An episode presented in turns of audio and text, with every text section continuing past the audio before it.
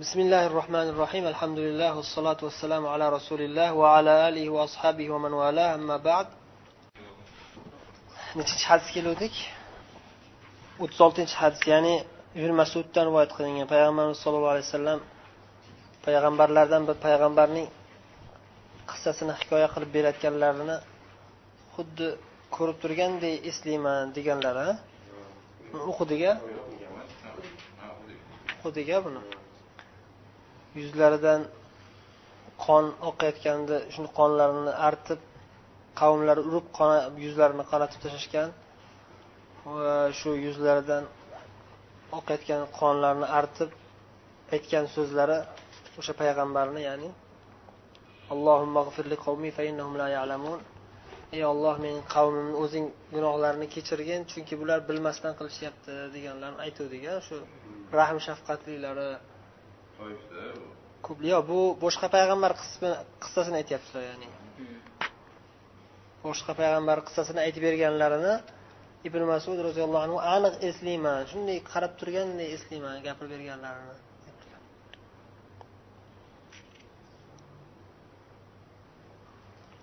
O'ttiz yettinchi hadisda imom navoiy rahimaulloh riyozi solihin kitobining davomida aytyaptilarki وعن أبي سعيد وأبي هريرة رضي الله عنهما.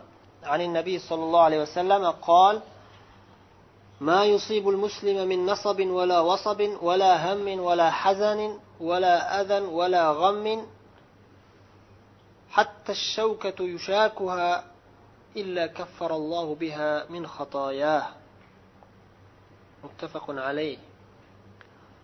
والوصب يعني المرض. Abu said al hudriy va abu hurayra ikkovlari rivoyat qilishgan hadis. Ya'ni ikkovlari ham rivoyat qilishgan bu hadisni. Boshqalar ham rivoyat qilgan bo'lishlari kerak. Bu mashhuri shu ya'ni. Nabiy sollallohu alayhi vasallamdan rasululloh sollallohu alayhi vasallam aytdilarki musulmon kishiga har bir qiyinchilik nasob qiyinchilik yoki har bir vasob har bir kasallik va g'am tashvish ham ham ya'ni g'am tashvish va hazan ya'ni xafagarchilik siqilishlik va aziya adan ya'ni aziya aziyat musulmon kishiga yetadigan aziyat va g'am u ham g'am tashvish ya'ni bu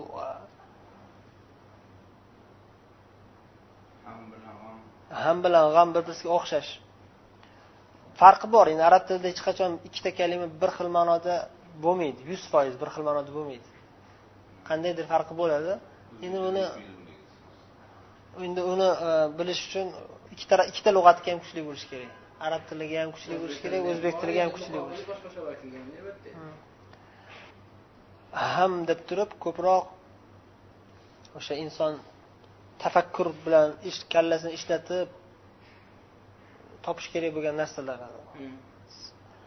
G'am ko'proq ya'ni bo'lib bo'lgan bir musibat unga endi tashvishlik siqilishlikka o'xshashroq bu allohu alam. G'am g'uyumga o'xshaganda g'uyum nima? Bulutlar ya'ni. Bulut boshingizga tushgan musibatlarni bulutga o'xshatadi qop qorong'i qilib tashlaydi hamma yoq. Ham nimadan olingan ham bir narsaga qasd qilish. Ko'p ishlar ko'payib ketsa shu hammasiga qasd qilaverib hammasini o'ylayverib tafakkur qilaverib qiynalib ketish. Lug'aviy jihatda shunday farqlar bo'ladi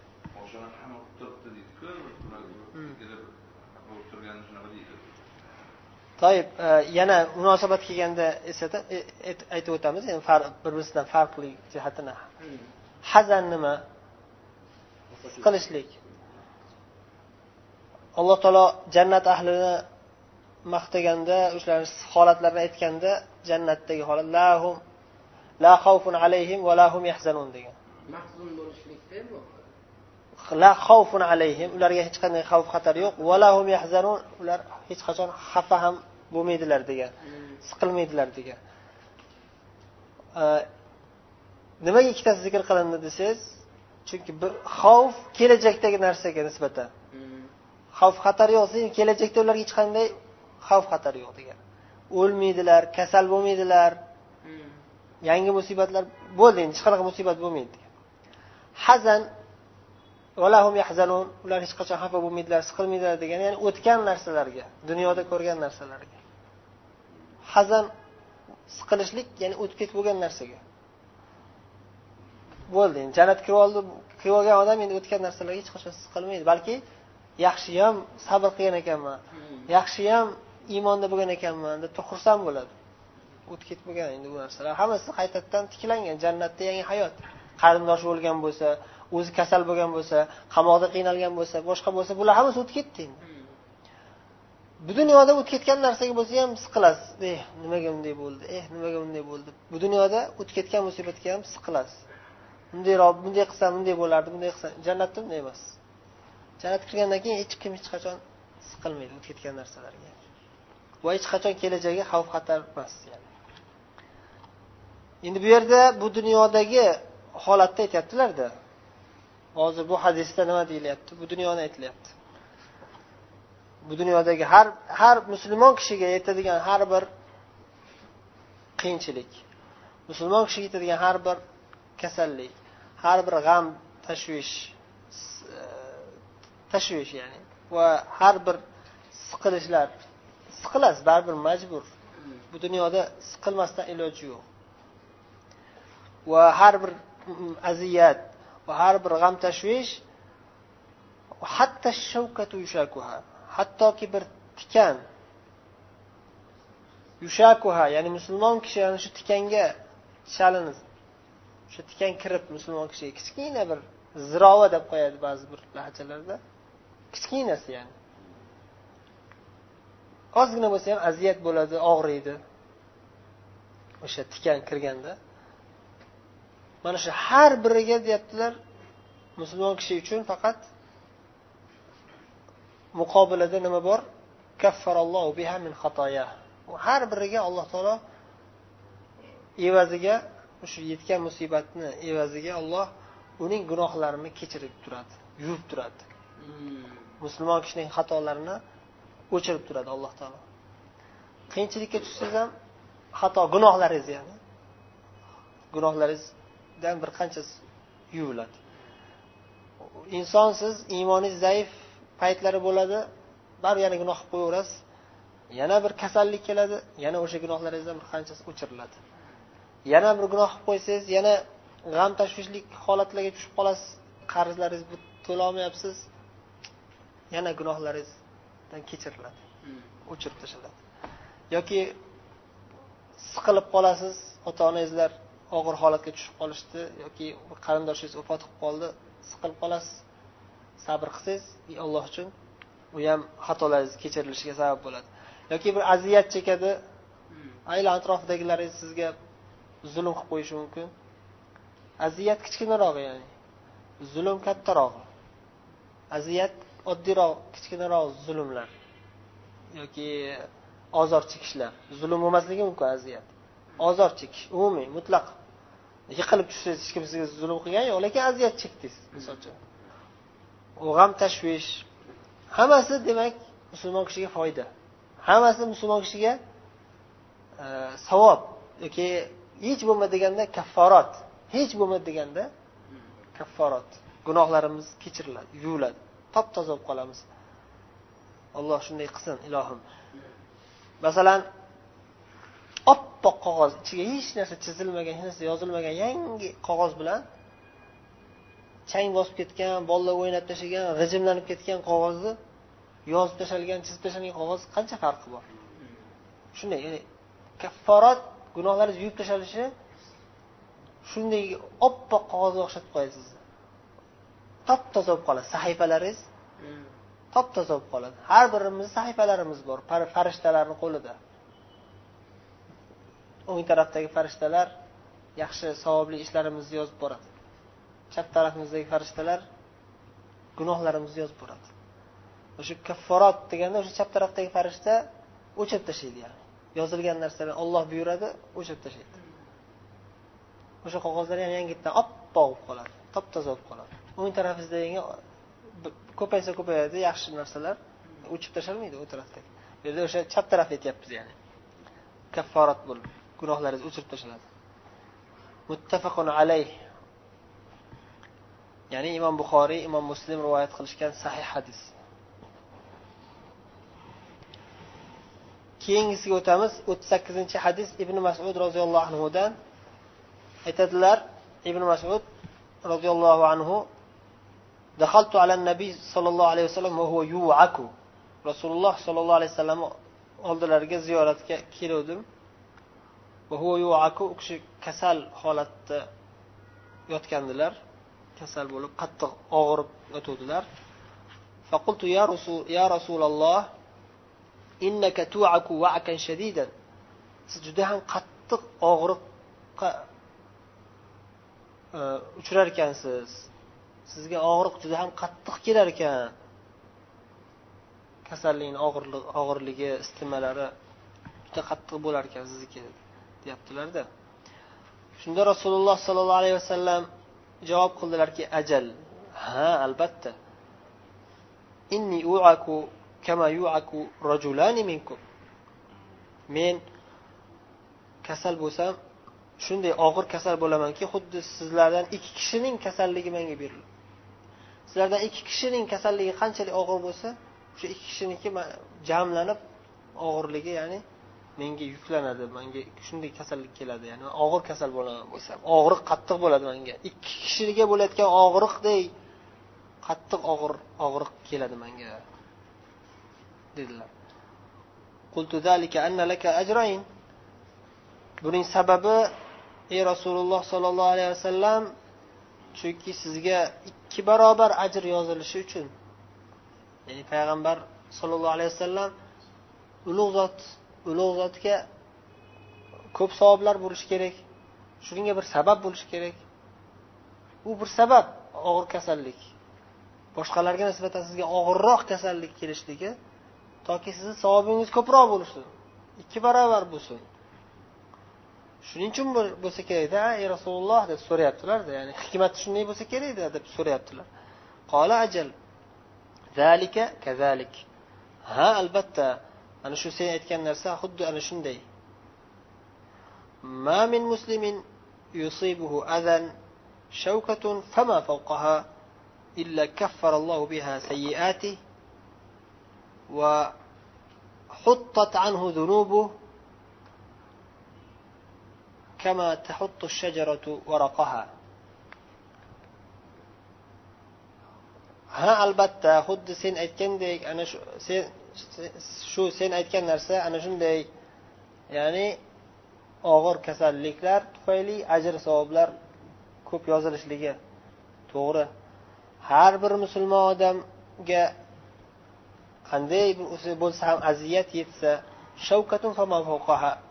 oddiy bir kichkina tikon va undan kattaroq musibatlar aziyatlar yetsa ana shu aziyatlar tufayli alloh taolo uning gunohlarini kechiradi. Gunohlarini o'chiradi.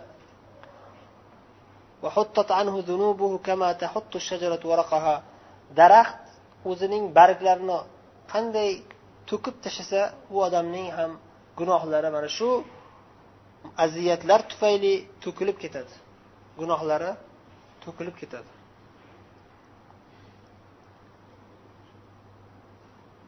Muttafaqun alayh. Bu ham imom buxoriy imom muslim rivoyat qilgan. Muttafaqun alayhi. Sahih hadis. Al vak vak og'ir kasallik deb tarjima qilganimiz mag'sul humma. O'sha istimani bosimi yoki istimani og'rig'i. Qattiq bosimi qattiq og'ritishini vak deb aytiladi. Vaqila al humma nafsu ya'ni. Ya'ni o'sha istimani o'ziga ham aytiladi. Deyishgan ba'zi ulamolar. Hmm. Vak deb.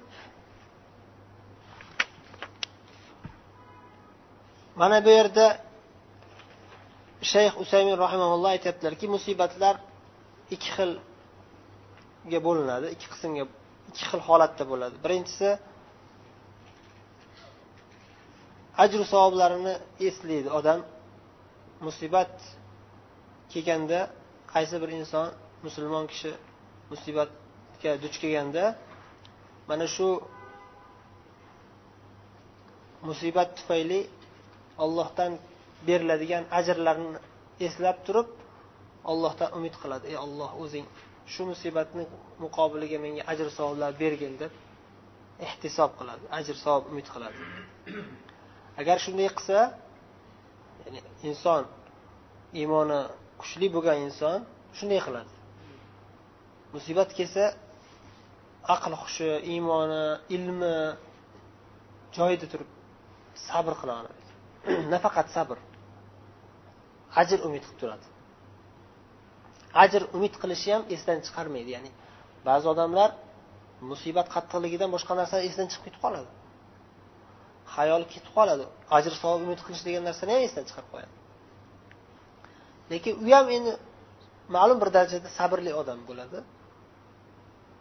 Ba'zi bir odamlarga o'xshab butunlay dodvoy qilib yubormaydi yoki alloh taoloning taqdiriga norozi bo'lib ketib qolmaydi. Lekin musibat ta'sir qiladi. Og'ir holatga tushib qoladi. O'zi bilinadi o'sha odam. Ma'naviyatlari tushib ketib bilinadi. Ba'zilar shunday. Ba'zilar yo'q. Birinchi holati eng oliy holati eng yaxshi holati mana shu aytayotganimiz. Usaymi aytyaptilar. Ajr savobni eslab turadi. Bu musibatni qarshisida buyuk savoblar bo'ladi. Olloh beradi deb ollohdan umid qilib turadi. Bu odamga ikkita foyda bo'ladi. Birinchi foydasi gunohlari yuvib tashlanishi. Ikkinchi foydasi savoblari ko'payishi. Savoblari ko'payadi. Nafaqat gunoh o'chirib tashlanadi uni o'rniga savoblar yoziladi. Ko'pgina qilib beriladi. Ikkinchi pastroq darajali insonlar qanday bo'ladi desa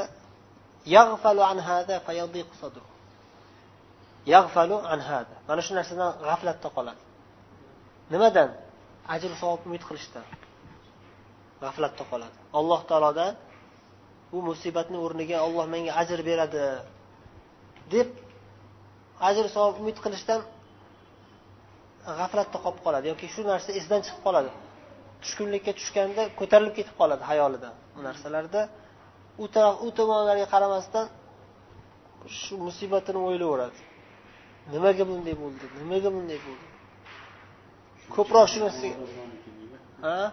Shunchalik yomon odamlarmi yo'q unaqa desa yaxshiku. Yo ya'ni o'sha narsaga ichiga tushib qoladi.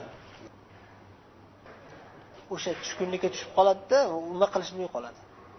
Ma'lum bir ba'zilar o'zini yo'qotmaydi bunga aytishadi har bir narsaga ichidan qarash bor tashqarisidan qarash borda har bir voqea har bir holat har bir vaziyatni ichidan qarash bor tashqarisidan qarash bor.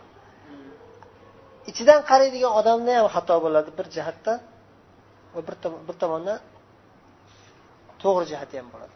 Tashqaridan qarab turib hukm chiqaradigan odam bir jihatdan to'g'risi bo'ladi to'g'ri hukm bo'ladi bir jihatdan xatosi bo'ladi. Ikkalasini jamlash kerak. Ikkalasini jamlab turib ikkalasiga e'tibor berib turib keyin hukm chiqarsa nima bo'ladi? Keyin to'g'ri hukm chiqaradi dedi.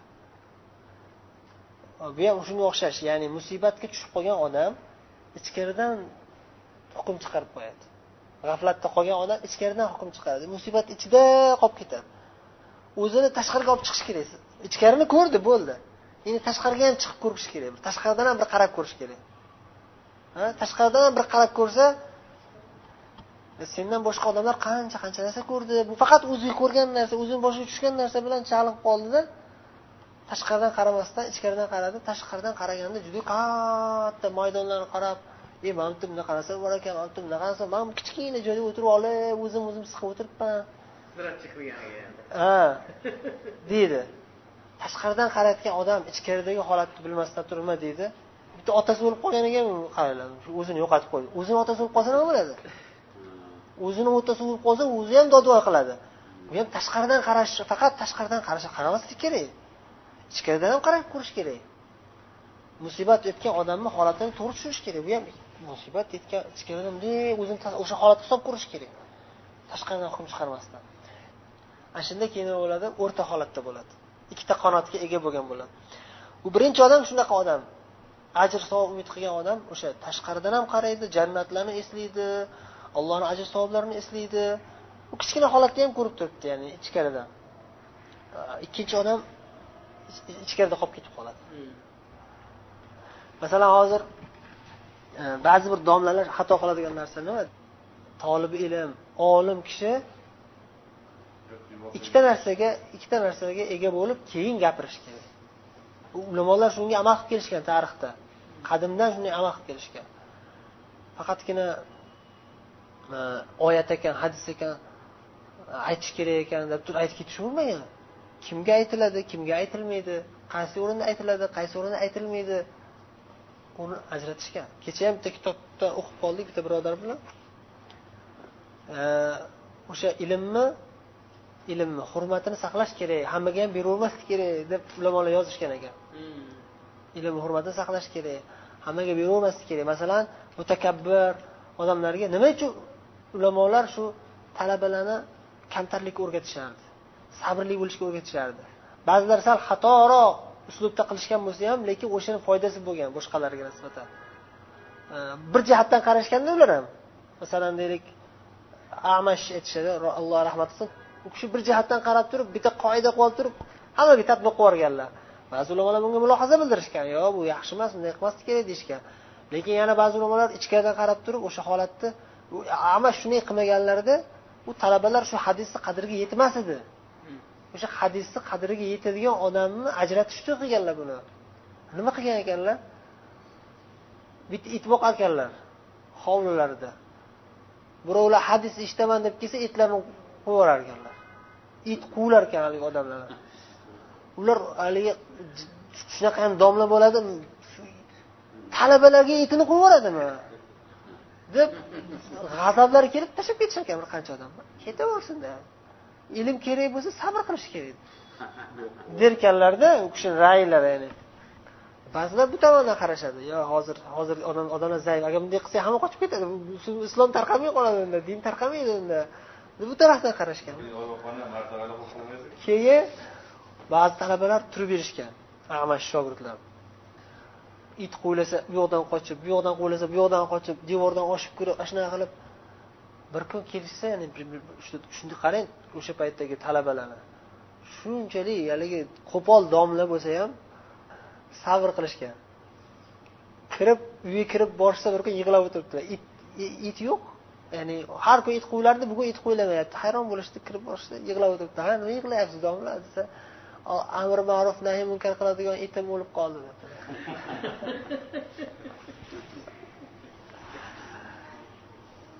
Demak o'sha e, har bir narsani ikki tarafini o'ylash kerak. Ichkaridan tashqaridan hamma tomondan qarab turib qilsa musibat yengil bo'ladi. Maqsadimiz e, nuqta shu yerdaki musibatni yengillashtirish usuli sizga. Musibat tushsa boshingizga darrov tashqaridan ham qarab ko'ring. Musibat tushgan odamga hukm chiqarishda siz o'sha odamni o'rni ichkari kirib ko'ring. Siz tashqarida turibsiz u oddiy holat sizga nisbatan. Lekin ichga kirib ko'ring. O'zingiz ichkarida bo'lsangiz o'zingiz boshingizga musibat tushgan bo'lsa tashqariga chiqib ko'ring. Ikkinchisi demak o'sha ikkinchi odam ikkinchi turli odam pastroq darajadagi odam judayam besabr odam emas biza yaxshi odamlarni gapiryapmiz hozir. Ajr savob bo'lishini orzu qilish esdan chiqib qolib faqat siqilib o'tiradi. Musibat og'irligidan musibatga tushkunlikka tushib o'tiradi. O'shanaqa odamlar ajrdan quruq qoladi. Lekin ollohni marhamati kengligidan baribir foyda bo'lsin shu musibat shu bandamga deb turib gunohlarni kechirib yuboradi allohni marhamatini kengligini qarang. Alloh alloh taologa hamdlar bo'lsin.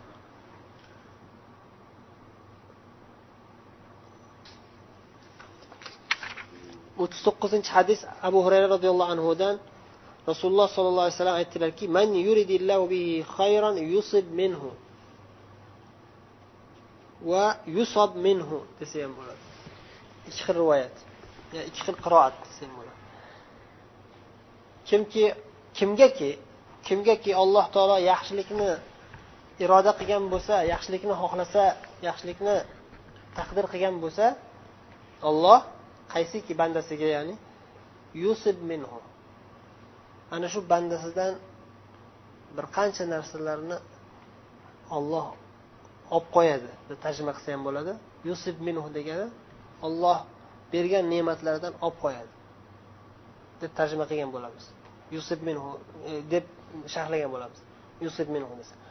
Yusob minhu desa unga musibatlar tushadi.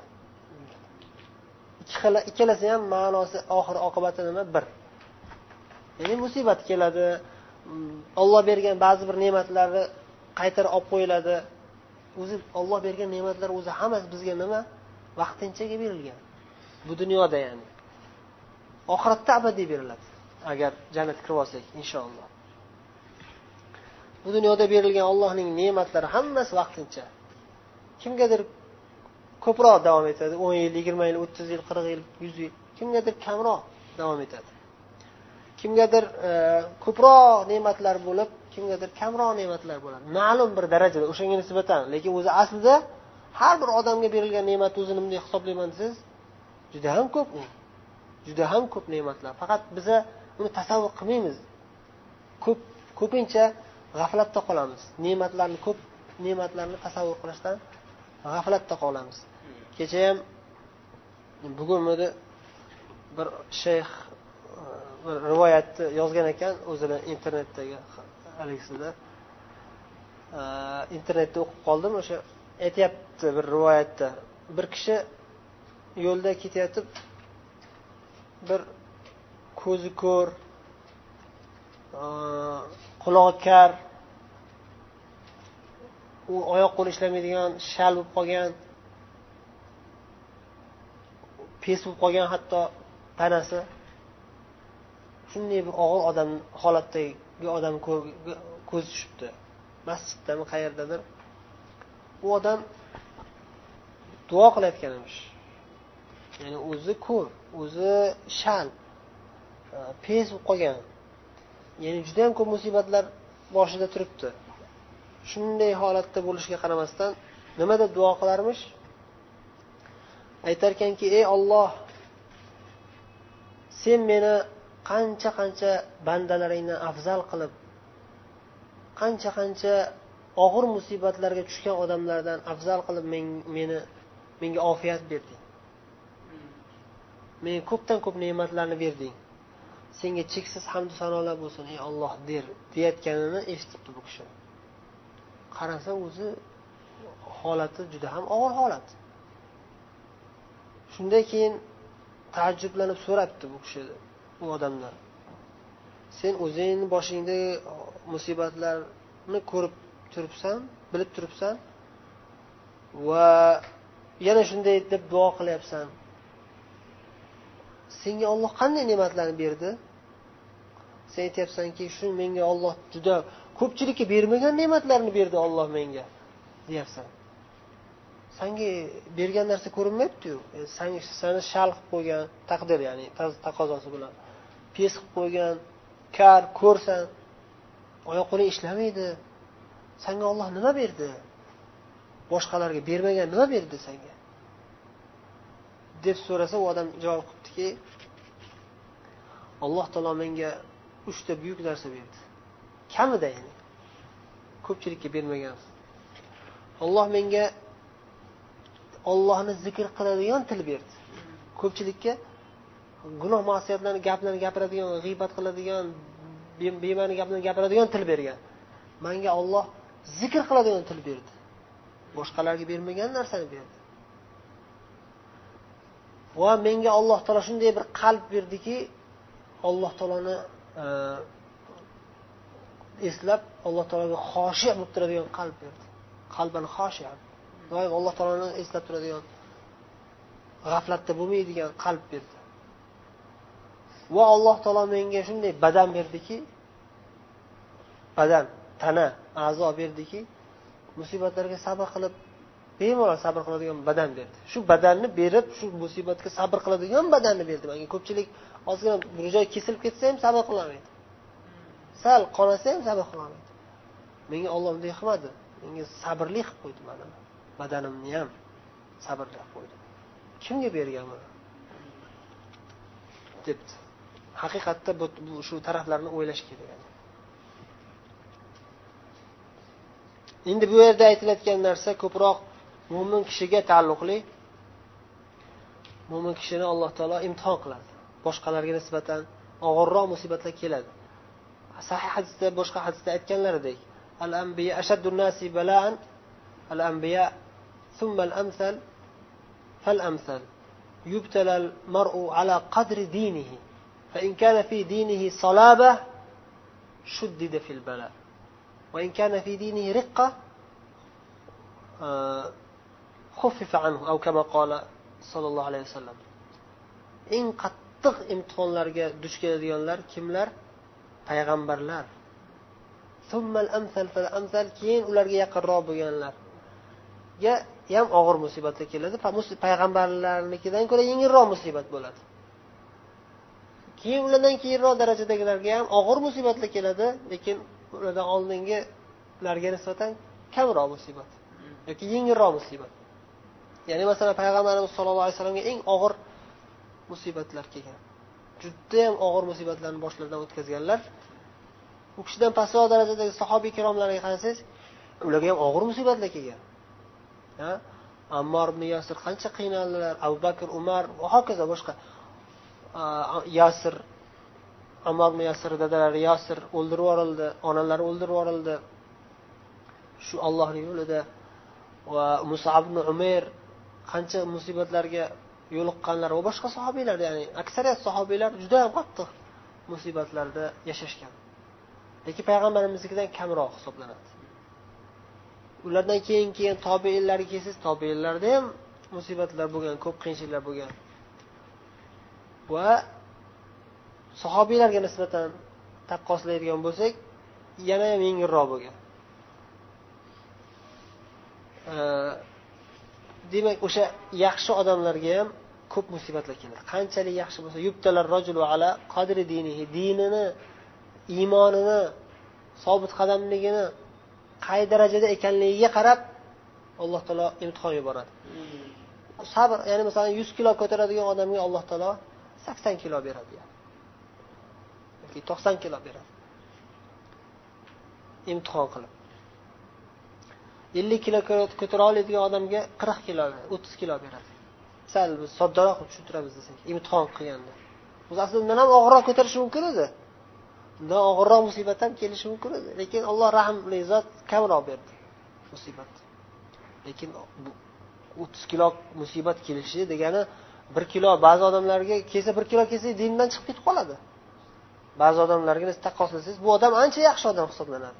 To'g'ri anavi narigi yuz kilo kelganga nisbatan pastroq darajada iymoni zaifroq holat. Lekin mana ba'zi odamlar kichkina narsaga ham ey xudo nima qilganing bu? deyaveradi nimaga musulmonlar hadeb shunaqa boshiga musibat kelaveradi? Chunki islom dinida ayb bor. Kofir bo'lib ketadi. Qancha o'zbeklar internetda ko'rgan bo'lsanglar.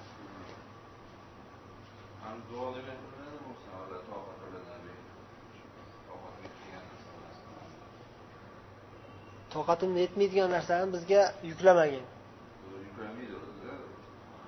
Yuklamaydi shuni alloh taolo o'zi shundoq ham yuklamaydi lekin bu yerda boshqa narsa borda. Siz taqdir bilmaysiz. Taqdirni bilmaysiz. Kelajakda musulmon bo'lib o'lasizmi? Kofir bo'lib o'lasizmi? Shunday odamlar bo'ladiki bu ham ollohni hikmati biz bilmaymiz buni. Kimga qanday taqdir qiladi olloh kimga qanday narsa nima bo'lishni xohlaydi olloh bilmaymiz. Biz umumiy qoidani aytyapmiz. Umumiy qoida shuki mo'minlarga og'ir musibatlar keladi lekin baribir sabr qilishadi. Chunki ular undan ham og'irroq ko'tarishi mumkin yengilroq berdi olloh nisbatan. Lekin mo'minlarga umuman olganda og'ir keladi. Fosiqlarga nisbatan kofirlarga nisbatan. Olloh aytgan ya'ni kofirlarga olloh bu dunyoni ochib tashlaydida. Ko'pincha shunday bo'lgan va shunday bo'lib ketadi. Aksariyat holatlarda deyapmiz biz. Umumiy bir qoida degan aksariyat holatlarda kofirlar maza qilib yashaydi. Zohirdan qarasangiz boy davlat boy badavlat bo'lib yashaydi. Hozir ham yevropa amerikalarga qarasangiz yaponiya yoki xitoylarga qarasangiz musulmon olami davlatiga qaraganda musulmon davlatiga qaraganda ular boy badavlat nisbatan. Nimaga desa chunki ularni jannati shu dunyoda yashab oladi. Ularga shu e, kofirlarga nisbatan musulmonlarga og'ir holatlar bo'ladi. Lekin umumiy olgan umuman musulmonlarni o'zini ichiga kelsak fosiq musulmonlarga nisbatan iymonlilarga yana ham og'irroq keladi. Iymonlilarni ichiga kelsangiz haqiqiy eng kuchli iymonlilarga yana ham og'irroq musibatlar keladi. Mana shu gaplar bu narsalar zohiridan qaraganda yo umumiy hukm chiqarganda shunday. Endi biz aytgan duoni nima uchun biz duo qilib yurishimiz kerak bu judayam zarur duo judayam zarur duo. Chunki siz bilmaysiz kelajagingizniki ma'lum bir musibat kelib turib dindan chiqib ketib qolishingiz mumkin. O'sha toqatsiz yetmaydigan narsaga kiradi bu ya'ni. Bir musibat kelib xudo saqlasin yoki dindan chiqib ketmasa ham chidamasdan sabr qilolmasdan katta bir e, besabrlik tufayli katta gunoh qilib qo'yishi mumkin.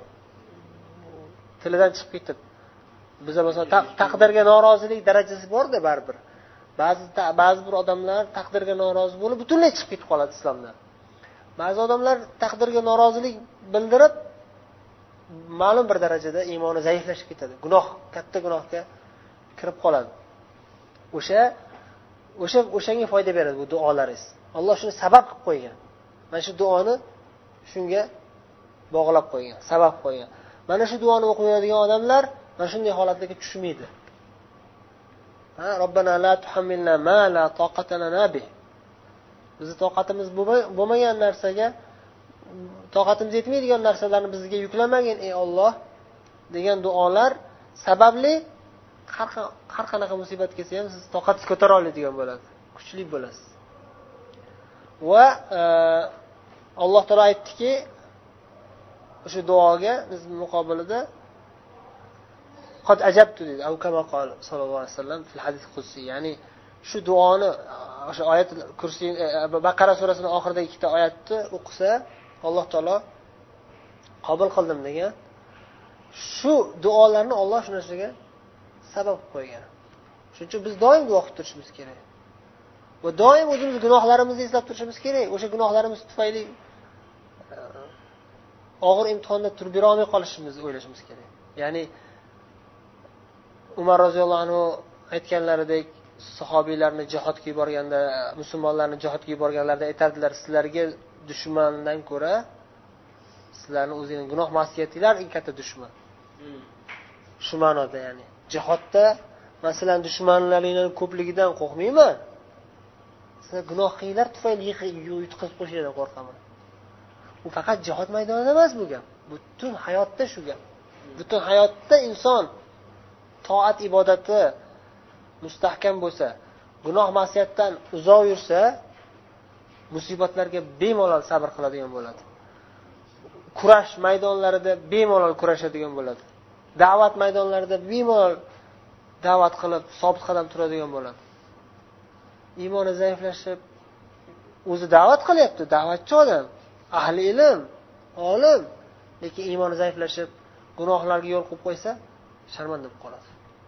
Ya'ni misol uchun misol uchun biza shaxslarni tayinlashimiz to'g'ri emas. Ba'zi bir dindorlar. Hukumatni maqtashligi nimaga? Nima sababdan shunday bo'lyapti? Buni asl sababi biz shaxslarni tayinlamayapmiz. Umumiy suratda aytyapmiz. Har kim holati har xil bo'lishi mumkin lekin aksar holatlarda shu qoida yuradi. Doim shu qoida amalda bo'ladi. Shuni e'tiborga shunga e'tibor berishimiz kerak. O'sha davlatga xizmat qilib qo'yayotgan hukumatga xizmat qilib qo'yayotgan odamlar imtihonga sabr qilolmayotgan odamlar mazlumlarga qarshi gapirib qo'yayotgan islomga qarshi gapirib qo'yayotgan domlalar asl sababi o'zini iymoni zaifligida. Gunoh masiyatlar bor. Kechasi uyda o'tirganda yolg'iz yurganlarida odamlar ko'pdan bekitib qoladigan gunohlar bo'ladi. O'shandan kelib chiqadi. Poydevor ketgan. O'shaning uchun biza o'tgan darslarda aytdik bizni poydevorimizni hozirdan baquvvat qilishimiz kerak. Kechalari turib allohga iltijo qilib yig'lashimiz kerak. Maxfiy holatlarimizda gunoh ishlarni qilib qo'ymasligimiz kerak. Shu narsa chirish ichkaridan chiriydida masalan bir meva achiganda ichidan boshlab achiydi.